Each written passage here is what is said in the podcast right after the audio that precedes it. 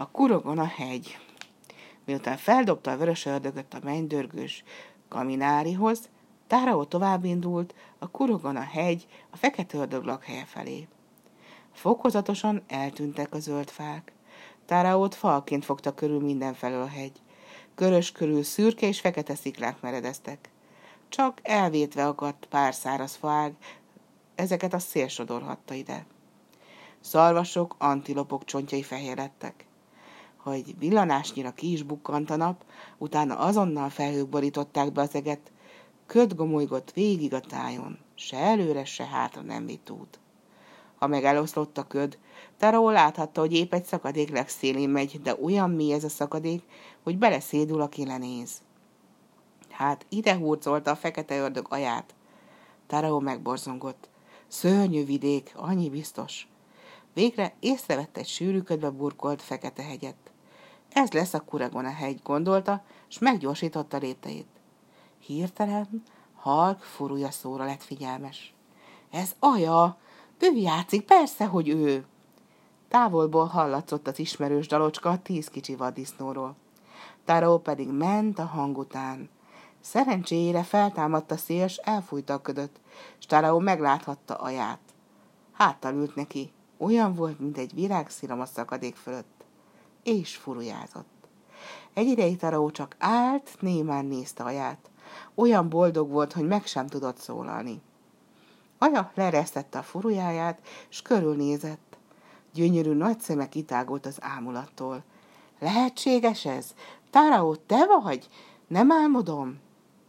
Nem, nem álmodsz, én vagyok a Taraó, mondta a fiú vidáman, s hármat dobbantott, mint a küzdőkörbe lépő szumóharcos. És hol a fekete ördög? Azért jöttem, hogy leszámoljak vele. Elment valahová, de hamarosan visszajön. Ma jó napja van. Este a hegyalti faluból egy fiatal lányt áldoznak neki, hogy megegye. Gazember! Jaj, ez egy rettenetes szörnyeteg. Elvette a parasztoktól a hegyi forrást, és azzal fenyegetőzik, hogy elárasztja a környező falvakat, ha nem hoznak neki eleséget. Minden évben kap egy fiatal lányt, csak hogy ne okozza több ezer ember halálát. Ez borzasztó, kiáltotta Taraó, és arca kipirult a haragtól. Elvette a vizet, ami a legdrágább a parasztoknak, és kedvére garázdálkodik. Na vár, csak leszámolok én veled. Óvakodj tőle, Taraó, mert nagyon erős. Se baj. Én akkor is legyőzöm, majd meglátod. Félelmetes robaj gördült végig a hegyeken. A mellettük álló szikla megremegett, egy darabka levált róla, és döngve hullott a szakadékba. Jön a fekete ördög! Taraó, gyere gyorsan! Olyan megragadta Taraó kezét, sietve behúzta maga után a barlangba, és elrejtette egy faládában. Abban a pillanatban szikrázó szemmel berontott a barlangba a fekete ördög. Mi ez?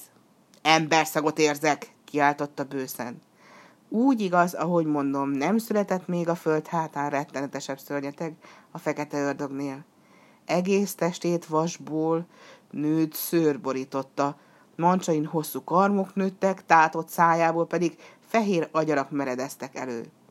Héte kislány, valaki van a barlangban, mondta a fekete ördög, és körbe pillantott.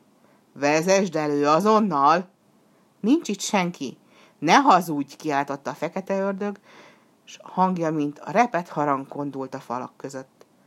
Elárulják nekem a virágok a barlang bejáratánál, a férfi lépe. Egy fehér virág nyílik ki, ha nő, akkor meg egy piros.